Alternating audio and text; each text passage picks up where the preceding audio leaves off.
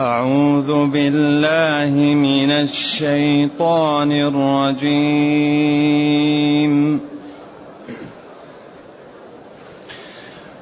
والله فضل بعضكم على بعض في الرزق. فما الذين فضلوا براد رزقهم على ما ملكت أيمانهم على ما ملكت أيمانهم فهم فيه سواء. أفبنعمة الله يجحدون. والله جعل لكم من أنفسكم أزواجا وجعل لكم من أزواجكم بنين وحفدة وجعل لكم من أزواجكم بنين وحفدة ورزقكم من الطيب الطيبات. أفبالباطل يؤمنون وبنعمة الله هم يكفرون. ويعبدون من دون الله ما لا يملك لهم رزقا رزقا من السماوات والارض شيئا ولا يستطيعون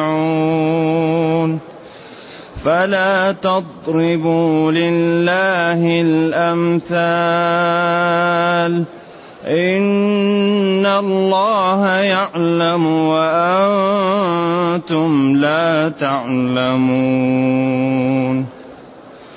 ضرب الله مثلا عبدا مملوكا لا يقدر على شيء ومن رزقناه منا رزقا حسنا. ومن رزقناه منا رزقا حسنا فهو ينفق منه سرا وجهرا هل يستوون الحمد لله بل اكثرهم لا يعلمون وضرب الله مثلا رجلين أحدهما أبكم لا يقدر على شيء وهو كل على مولاه وهو كل على مولاه أينما يوجهه لا يات بخير هل يستوي هو ومن يأمر بالعدل وهو على صراط مستقيم؟ ولله غيب السماوات والأرض وما أمر الساعة إلا كلمح البصر. وما أمر الساعة الا كلمح البصر أو هو اقرب ان الله على كل شيء قدير الحمد لله الذي أنزل إلينا أشمل الكتاب وأرسل إلينا أفضل الرسل وجعلنا خير أمة أخرجت للناس. فله الحمد وله الشكر على هذه النعم العظيمة والآلاء الجسيمة. والصلاة والسلام على خير خلق الله وعلى آله وأصحابه ومن اهتدى بهداه.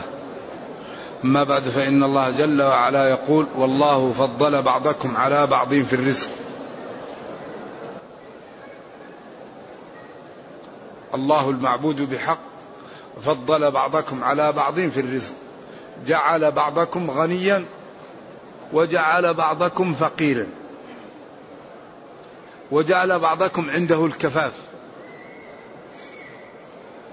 فما الذين فضلوا بالمال والدرجة والمنزلة براد أموالهم على عبيدهم ليكونوا هم وهم في المال وفي المنزلة سواء؟ فكيف أنتم؟ الله أعطاكم كل شيء ودفع عنكم كل ضر. تعبدون الأصنام وتتركون عبادته. وأنتم عبيدكم لا تسوونهم بأنفسكم. كيف يحصل منكم هذا؟ فعبيدكم لا تجعلونهم مثلكم. والذي عنده مال لا يعطي مال للآخر. فكيف أنتم تأخذون نعم الله التي أعطاكم وتصرفونها لغيره ممن لا يملك لنفسه ضرا ولا نفعا ولا يستطيع جلب خير لنفسه ولا دفع ضر عنها؟ كيف يقع منكم هذا؟ ولذلك قال تعالى وتلك الأمثال نضربها للناس وما يعقلها إلا العالمون. يعني هذا المثل يعني يوضح يعني ضلال هؤلاء وبعدهم عن الفهم وعن الحق. نرجو الله السلام والعافية. اذا وضرب الله والله فضل أي جعل بعضكم على بعض في الرزق متفاوتين. فما الذين فضلهم الله في المال؟ برادي مالهم على ما ملكت أيمانهم على عبيدهم. فيكونون فيه سواء. وأنتم الله أعطاكم كل شيء ومع ذلك تصرفون حقوقه للأصنام وهي لا تنفع ولا تضر. أفبالباطل يؤمنون هؤلاء؟ الباطل هي الأصنام. وبنعمة الله يكفرون هو توحيد الله ووحدانيته وما أسدى لهم من الخير فيشكرونه ب ب بإفراده بالعبادة وبالبعد عن معصيته. ويعبدون من دون الله. هؤلاء أفبالباطل يؤمنون وبنعمة الله هم يكفرون. هذا فيه تأكيد وفيه إزراء بهذه الشريحة وعيب لها. لأنهم هم عبيدهم لا يرضون أن يسووهم في أموالهم. فكيف حقوق الله يعطوها للأصنام؟ ويجعلون عبادة الله ويجعلون ما أعطاهم الله للأصنام؟ فهذا قسمة ضزاء وهذا حيف وضلال مبين. فما الذين فضلوا براد رزقهم على ما ملكت أيمانهم؟ الذين فضلوا بالمال ليسوا براد رزقهم أموالهم على ما ملكت أيمانهم من العبيد فهم فيه سواء لا لا لا يفعلون ذلك. هؤلاء بالباطل أفبالباطل يؤمنون يعني وهو الكفر أفبنعمة الله يجحدون. نعمة الله التي أسدى إليهم من المال والرزق والعقل يجحدونها ويجعلون حق الله للأصنام.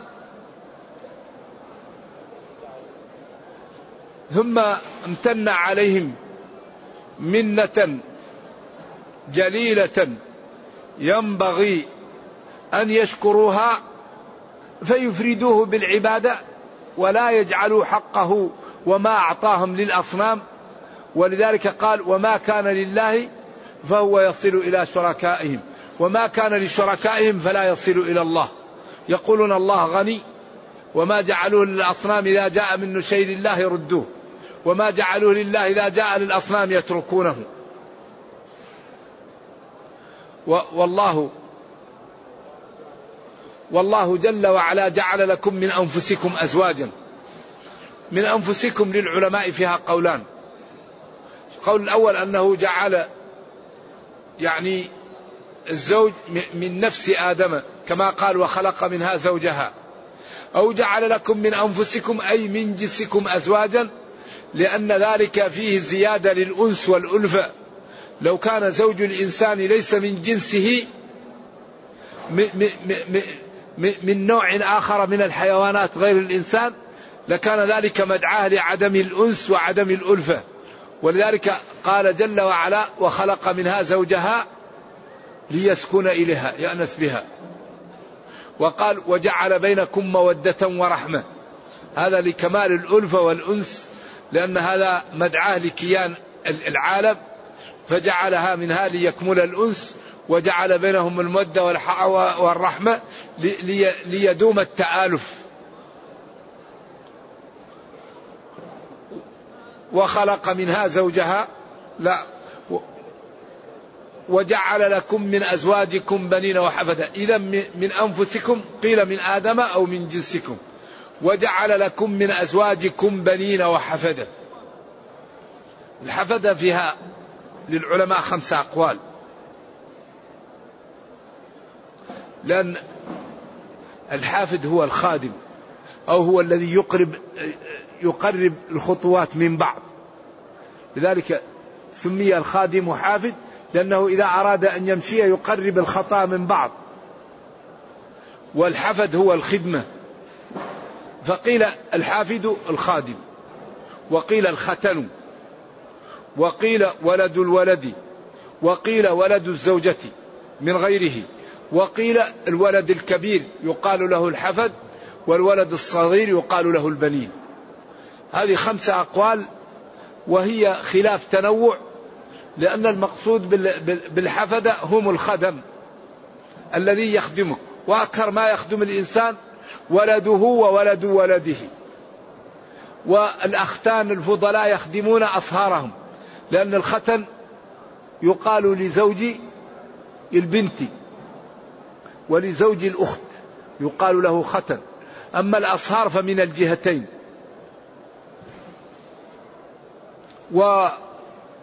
والذي يخدمك هو يعني أيضا يقال له الحفد وولد الزوجة من غيرك يقال له الحفد لأنهم كل هؤلاء يخدمون وهؤلاء كلهم يطلق عليهم الحفدة وهذا اختيار آه، كبير المفسرين ابن جرير الطبري أن الحفدة تقال للجميع تقال لولد الولد وتقال للولد الكبير.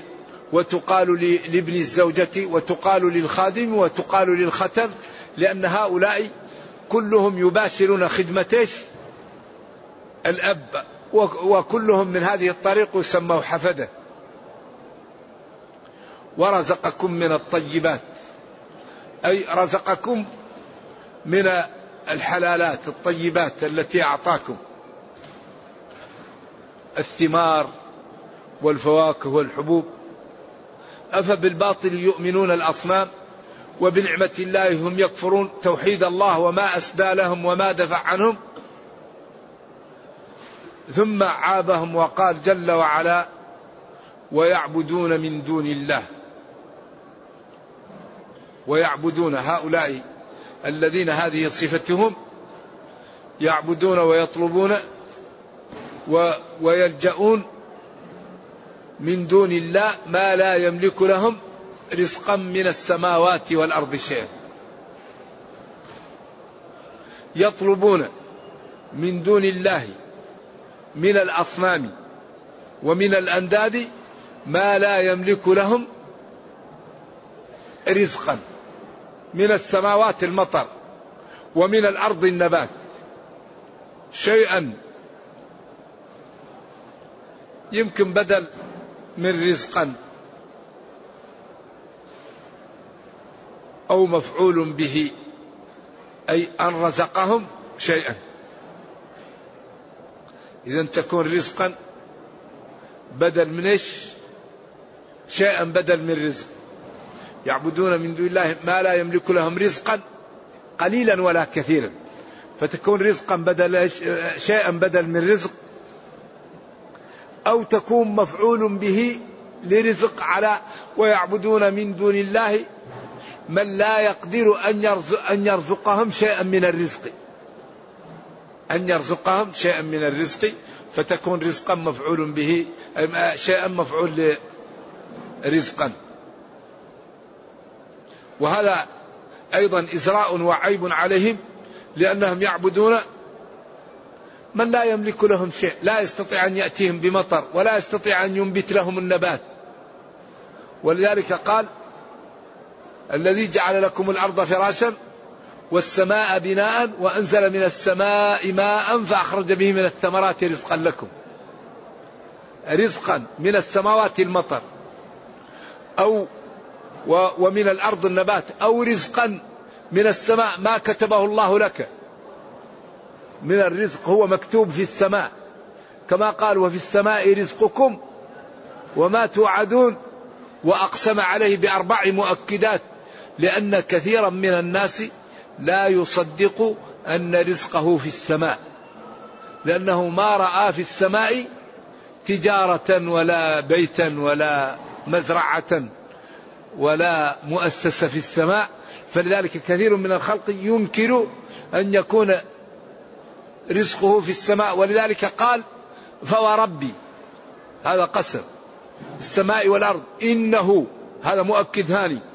لحق مؤكد ثالث. مثل ما أنكم تنطقون مؤكد رابع. والمؤكد في اللغة العربية لا يكون إلا على ما ينكر. فإذا زادت التأكيدات قوية الإنكار. لذلك كأن الخلق لا, لا يصدق بأن رزقه في السماء. لذلك إذا علم العبد أن رزقه في السماء اطمأنت نفسه وانشرحت واستراح وتفرغ لعبادة ربه وطاعته. لأن الرزق كثيرا ما يشغل الناس. قال العلماء الناس يبحثون عن الرزق لقوة الضمان. لأن الله قال وما من دابة في الأرض إلا على الله رزقها. فلما ضمن الرب للخلق الرزق عند ذلك هيأ في قلوبهم محبة المال لقوة الضمان. لأن ضمان الرزق جعل الواحد لا يمكن يهدأ يبحث عن الرزق. أما الجنة لم تضمن. فلذلك بحث الناس عن الرزق أقوى من بحثهم عن الجنة وعن النجاة من النار لأن الرزق ضمن والجنة لم تضمن. قال تعالى ألم نجعل له عينين ولسانا وشفتين وهديناه نجدين. من يعمل مثقال ذرة خيرا يره ومن يعمل مثقال ذرة شرا يره. هذا الكتاب لا يغادر صغيرة ولا كبيرة إلا أحصاها. ووجدوا ما عملوا حاضرا ولا يظلم ربك أحدا. ومع ذلك تجد أن الناس يبحثون عن الرزق كرم ما يبحثون عن النجاة. نعم. فلا تضربوا لله الأمثال. إن الله يعلم وأنتم لا تعلمون. لا تشبهوا الله بخلقه. ولا تمثلوه به ولا تجعلوا الرب كالبشر لأن الله تعالى علمه محيط بكل شيء وأمره إذا أراد شيئا يقول له كن فيكون وما تسقط من ورقة إلا يعلمها ولو جعلت البحار الموجودة أقلاما والأشجار الموجودة البحار مدادا والأشجار الموجودة أقلاما وجلس البشر يكتبون فيه بلايين السنين مضروبين في الحصى لجفت البحار وتكسرت الأقلام وما نفدت كلمات الله. ولو أن ما في الأرض من شجرة أقلام والبحر يمده من بعده سبعة أبحر وجعلنا البحار مدادا والأشجار أقلاما وكتب الناس ما شاء الله لجفت البحار وتكسرت الأقلام وما نفدت كلمات الله. ما خلقكم ولا بعثكم إلا كنفس واحدة. وما تسقط من ورقة إلا يعلمها. ما يكون من نجوى ثلاثة إلا هو رابعهم. ولا خمسة إلا هو سادسهم. ولا أدنى من ذلك ولا أكثر إلا هو معهم أينما كانوا. ثم ينبئهم بما عملوا يوم القيامة. إن الله بكل شيء عليم. إذا فلا تضربوا لله الأمثال. ولذلك قال جل وعلا ليس كمثله شيء وهو السميع البصير. فكأنه يقول يا عبدي نزهني عن مشابهة خلقي واثبت لي صفاتي على أساس ذلك التنزيه. فقوله وهو السميع البصير إثبات السمع والبصر لله لكن على أساس من التنزيه وهو قوله جل وعلا ليس كمثله شيء. ولذلك لو أخذت كلمة رأس وأضفتها إلى الوادي وإلى المال وإلى الإنسان وإلى الجبل قلت رأس المال رأس الوادي رأس الإنسان رأس الجبل. هذه الرؤوس تمايزت بصفاتها. فما بالك بما يضاف للخالق ويضاف للمخلوق. المخلوقات تتمايز بإضافاتها فكيف ما يضاف للخالق وكيف ما يضاف للمخلوق؟ ولذلك العرب الأقحاح ما كانت عندهم مشكلة. إذا سمعوا كلمة خالق عرفوا أن الصفة متعالية كالخالق. وإذا سمعوا صفة مخلوق علموا أنها متواضعة وحقيرة كالمخلوق وبين الصفة والصفة كما بين الخالق والمخلوق. أما عندما ترجمت كتب اليونان وقالوا أول واجب على المكلف إيش؟ إعماله للنظر. أول شيء النظر. قالوا إذا نحن لا نعرف يد إلا كيد المخلوق. وإذا أثبتنا اليد شبهنا الله بخلقه. إذا نقول اليد القدرة ولكن هذه القدرة منزهة. نقول بالإنصاف. أيهما أولى بالتنزيه؟ الكلمة التي ذكرها الله في كتابه الحرف منها بسبع بعشر حسنات أو الكلمة التي جئتم بها وقلتم هي منزهة. اتركوا ما قال الله وقولوا منزه. لذلك قالوا الرحمن على العرش استوى. قالوا استوى إيش؟ استولى. لكن هذا الاستيلاء منزه. طيب الله قال في القرآن سبع مرات استوى. تأتي أنت يا بشر وتقول لا استوى استولى وتقول هذا الاستيلاء منزه. أترك ما قال الله وقل منزه. أنتم أعلم أم الله؟ لا يصف الله بعد الله. أعلم بالله من رسول الله. وقال لنبيه لتبين للناس ما نزل إليهم. فلو كان التأويل حقا لقال لهم الرسول صلى الله عليه وسلم لا بد أن تؤولوا هذه الصفات. ما أولها ولكن استعملوا لها ثلاثة أسس صفات الله. الأساس الأول التصديق. لأن الله يقول قوله الحق ومن أصدق من الله قيلا. الأساس الثاني التنزيه. لأن الله يقول ليس كمثله شيء. هل تعلم له سميا؟ فلا تضربوا لله الأمثال.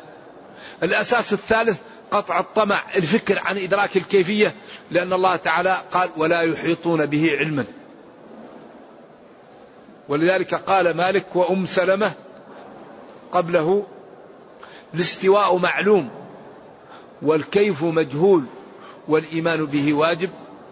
والسؤال عنه بكيف بدعة. لذا سبحان الله العظيم ما وضحها النبي مثل هذا. الجارية التي جاءته قال قال لها أين الله؟ قالت في السماء. قال الله تعالى أم منتم من في السماء؟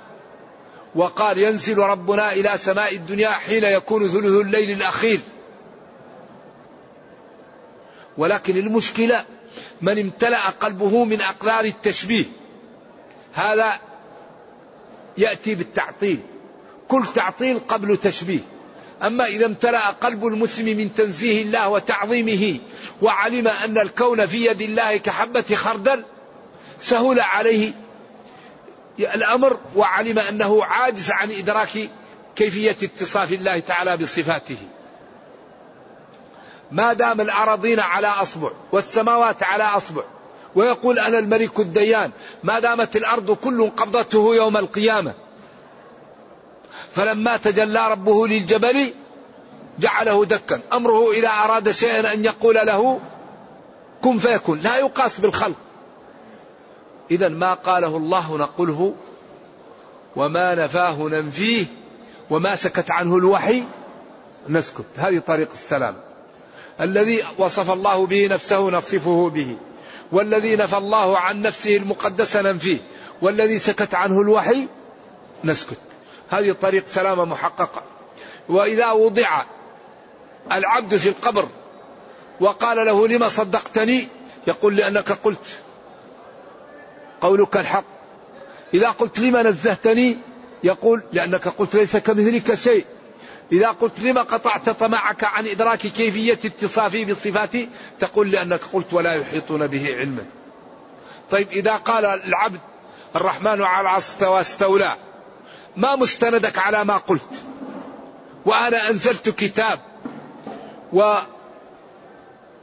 وأرسلت رسولا وقلت له لتبين للناس ما نزل إليهم ولا يجوز له تأخير البيان عن وقت الحاجة. من أين لك أن تقول استوى استولى؟ ما دليلك على ما قلت؟ ما بما لا يجيب. إذا ومع الأسف أن كثيرا من العلماء الفضلاء وقعوا في هذا الخطأ بسبب سبق علم الكلام والتدرب عليه في الصغر ولكن كثيرا من هؤلاء الفضلاء في كبرهم يرجعون على هذا المذهب مذهب التأويل. منهم أبو الحسن الأشعري والجويني والشهرستاني والغزالي. أغلب الذين أولوا في آخر حياتهم يعلمون أن هذا في غاية الخطورة. ولذلك قال الجوين أموت على معتقد العجائز. ما قاله الله نقوله وما نفعنا فيه وما سكت نسكت لقد خضنا في هذا الكلام وكله إشكالات. لذلك يقول واسطة بين الوجود والعدم واختلف الأشياخ في التعلق كلها أمور مشاكل. ويقول الصفة النفسية هذه مشكلة. الله لا يقال له صفة نفسية. ما قاله الله نقوله وما نفاه ننفيه وما سكت عنه الوحي نسكت. ولذا الحقيقة هذا الأمر مهم ومن أحسن الكتب التي رأيتها في هذا ما كتبه الحافظ بن عبد البر في حديث النزول وما كتبه الشيخ الإسلام بن تيمية رحمة الله علينا وعليه في الرسالة التدمرية وكذلك ما كتبه الوالد في سورة الأعراف عند قوله تعالى ثم استوى على العرش الرحمن ثم في في سورة الأعراف. في الجزء الثاني من أضواء البيان. فإن هذه الكتب ذكرت هذا الأمر وبينته ووضحت خطورة التأويل.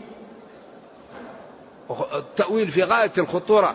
ولكن هؤلاء العلماء الذين حصل منهم هذا إن شاء الله إنهم يقصدون حقا. ونقول كما قال الشافعي رام نفعا فضر من غير قصد ومن البر ما يكون عقوقا. نرجو الله أن يغفر لهم وهم قصدهم تنزيه الله والبعد عن الأمور ولكنهم أخطأوا في هذا الأمر لأن الله تعالى وضحه وبينه ونبيه المأمور بالبيان بين ولكن هذه الأمور خفية على كثير من العلماء. نرجو الله لنا ولهم الغفران.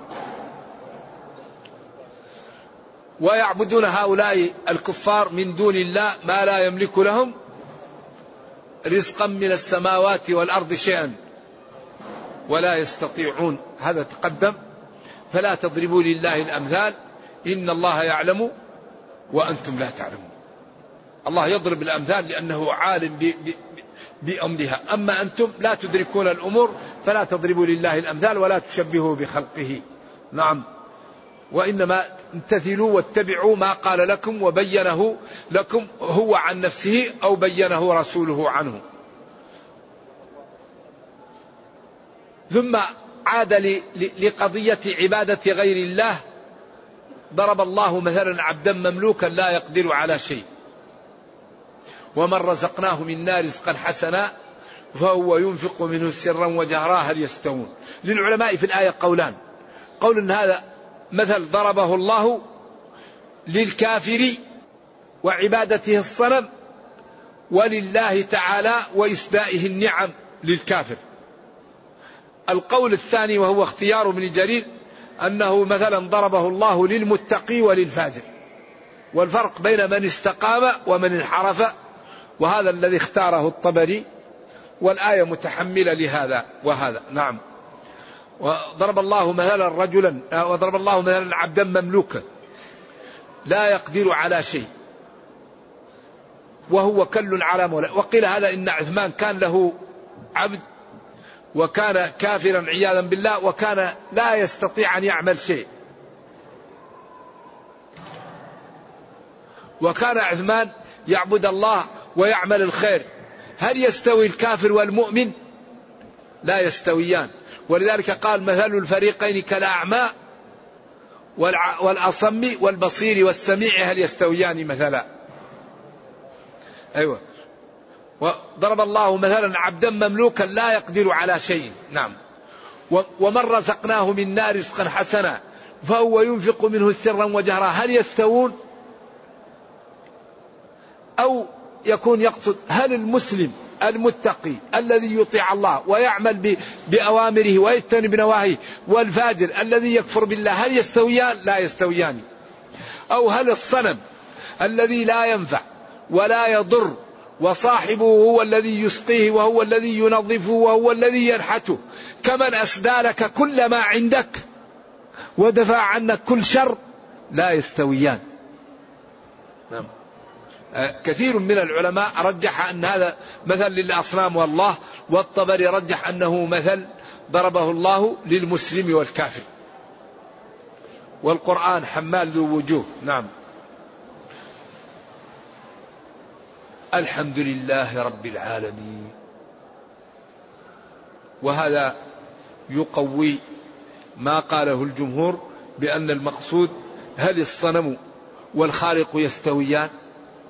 تنزيها لله وتعظيما له لما أسدى لخلقه من من نعم ولما فعل حياله جل وعلا الكفار من كفر وتكذيب وعياذا بالله تعالى تنغيص أعاذنا الله وإياكم من الكفر. الحمد لله بل أكثرهم لا يعلمون، الحمد لله هو الثناء بالجميل للمعبود بحق بل إضراب عن فعل الكفار. أكثرهم هؤلاء الخلق لا يعلمون حقيقة الأمر وما يسببه الكفر من الويلات وما يسببه طاعة الله من النعيم والرفعة والعافية.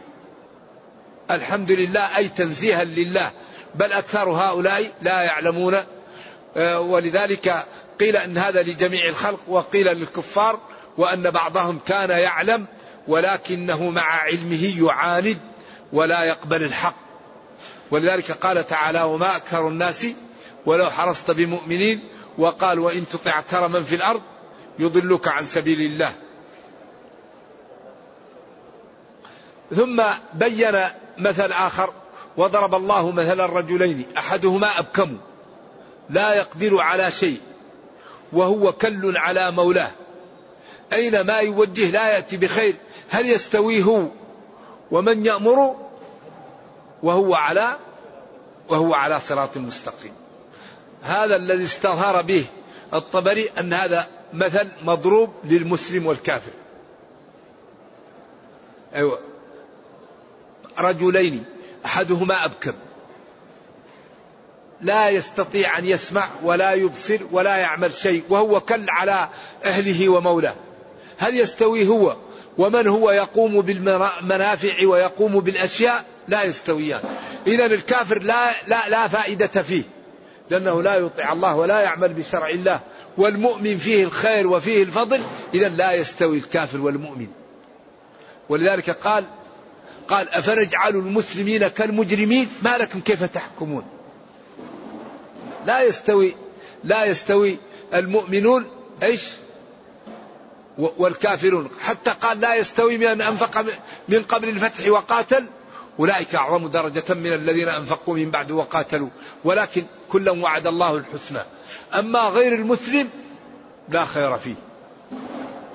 كل الكل هو التعب والثقل على مولاه صاحبه. أينما يرسله لجهة لا يأتي بخير لأنه غبي وأعمى وأبكم ولا يفهم. هل يستوي هذا؟ ومن هو على صراط ومن يأمر بالعدل؟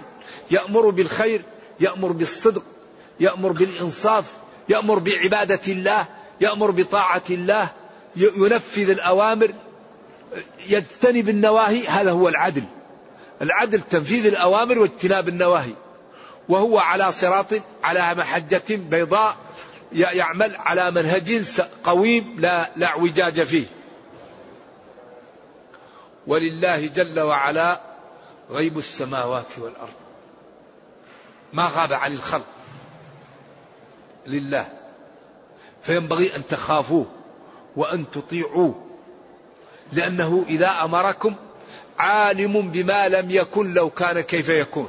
وإذا نهاكم عالم بان هذا فيه ضرر لكم. فنفذوا الأوامر واجتنبوا النواهي. وهذا ثقل الجمل.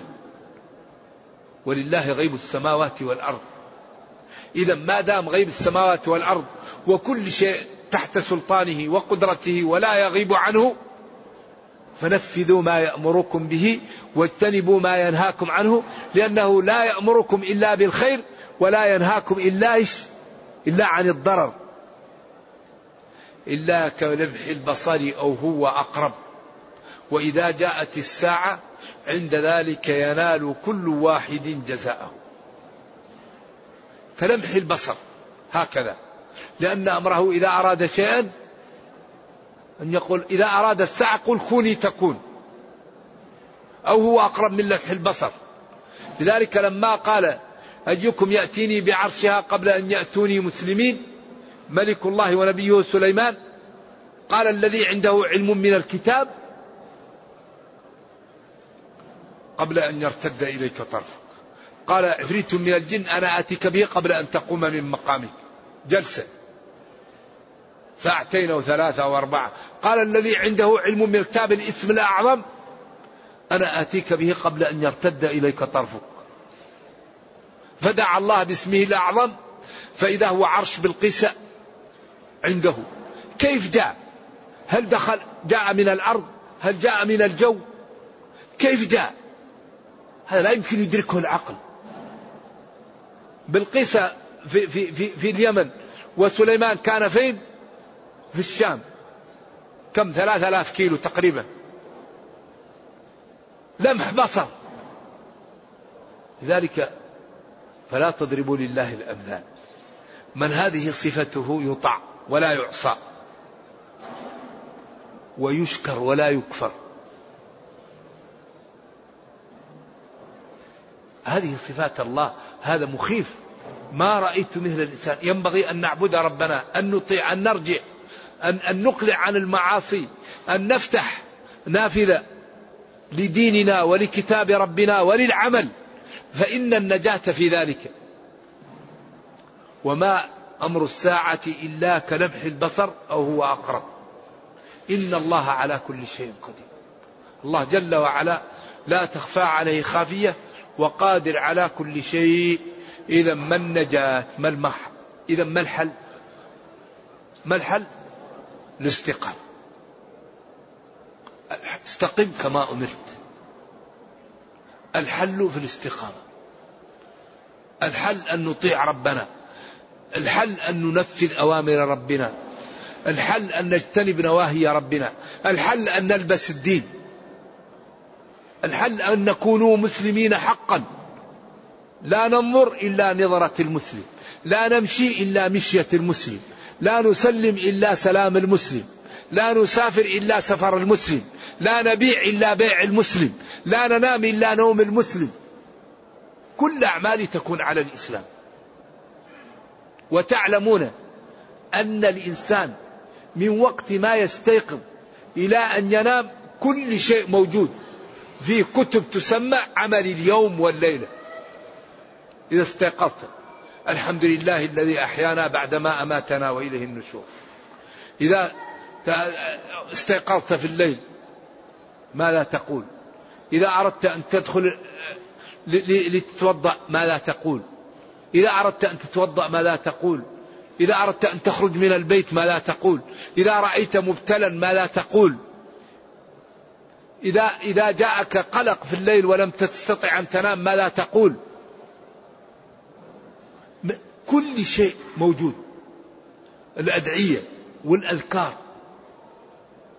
من, من, من طلوع من وقت نومك إلى إلى وقت نومك من الغد. 24 ساعة كل وقت فيه. فينبغي أن, أن, أن, أن نعمل هذه الأمور ونلتزم بها فإن فيها المنفعة وفيها طرد الشيطان وفيها كثرة الحسنات وبإذن الله تعالى يكون بها التوفيق. ولا بد أن نعمل لديننا كما نعمل لأموالنا وأولادنا.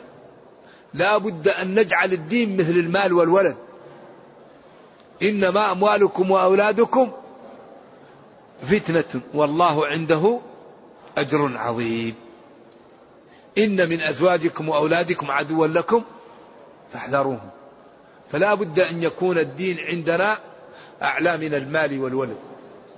فإذا جعلنا الدين فوق المال والولد بإذن الله تعالى ندخل الجنة ونأمن من النار بإذن الله.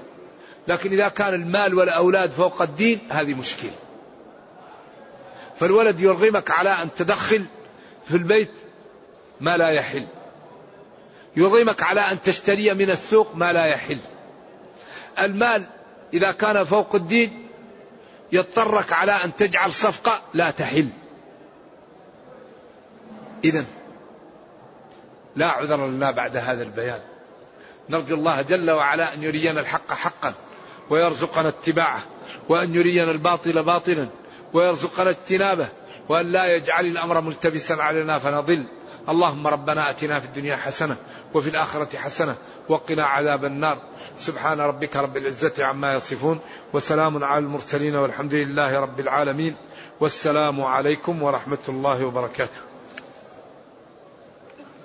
إيش إذا كانت الأسئلة تتعلق بالدرس شوف. هل ديننا قائم على الإقناع وكيف ذلك؟ نعم. الدين الإسلامي قائم على الإقناع لا إكراه في الدين. والتحقيق أن الآية غير منسوخة. الإسلام لا يكره أحدا على الدخول فيه لكنه لا يرضى لأحد بالخروج منه. قال تعالى وإن كنتم في ريب مما نزلنا على عبدنا فأتوا بسورة من مثله. هذا الإقناع. وادعوا من استطعتم من دون الله إن كنتم صادقين. فإن لم تفعلوا في الماضي ولن تستطيعوا أن تفعلوا في المستقبل فهناك الخطر ماثل وقد أوعد المكذب به النار فاتقوا النار. هذا هو الإقناع. أم خلقوا من غير شيء؟ أم هم الخالقون؟ أم خلقوا السماوات والأرض؟ كل ذلك لم يقع. إذا خلقكم الله فاعبدوه. هل صفة هل صبغ اللحية بالسواد مخالف للسنة أفيدنا؟ نعم. اجتنبوا السواد. حديث أقل درجاته أنه صالح. أيوة غيروا الشيب واجتنبوا السواد. نعم. ولذلك ينبغي أن يغيره بغير السواد. يجعله بني أو أصفر أو أحمر ويجتنب السواد ويمكن يأخذ الحناء والكتم فيكون غير أسود حالك. فيكون فيها يعني نوع يغيره والسواد منهي عنه. نعم. من قال هذه العبارة نون اليهود أهون من لام المبتدعة. النون في حنطة لا واللام في استولى. لا لا هذا الشيخ ابن القيم رحمة الله عليه هو قال نون اليهود ولام جهم هما في وحيي رب العرش زائدتان. استوى المؤولة قالوا استولى. وهو قال وقولوا حطة قالوا حنطة حبة في شعرة. فقال نون اليهود ولام ولام جهم نون اليهود ولام جهم هما في وحيي رب العرش زائدتان. كل منهم خطأ نعم. بس.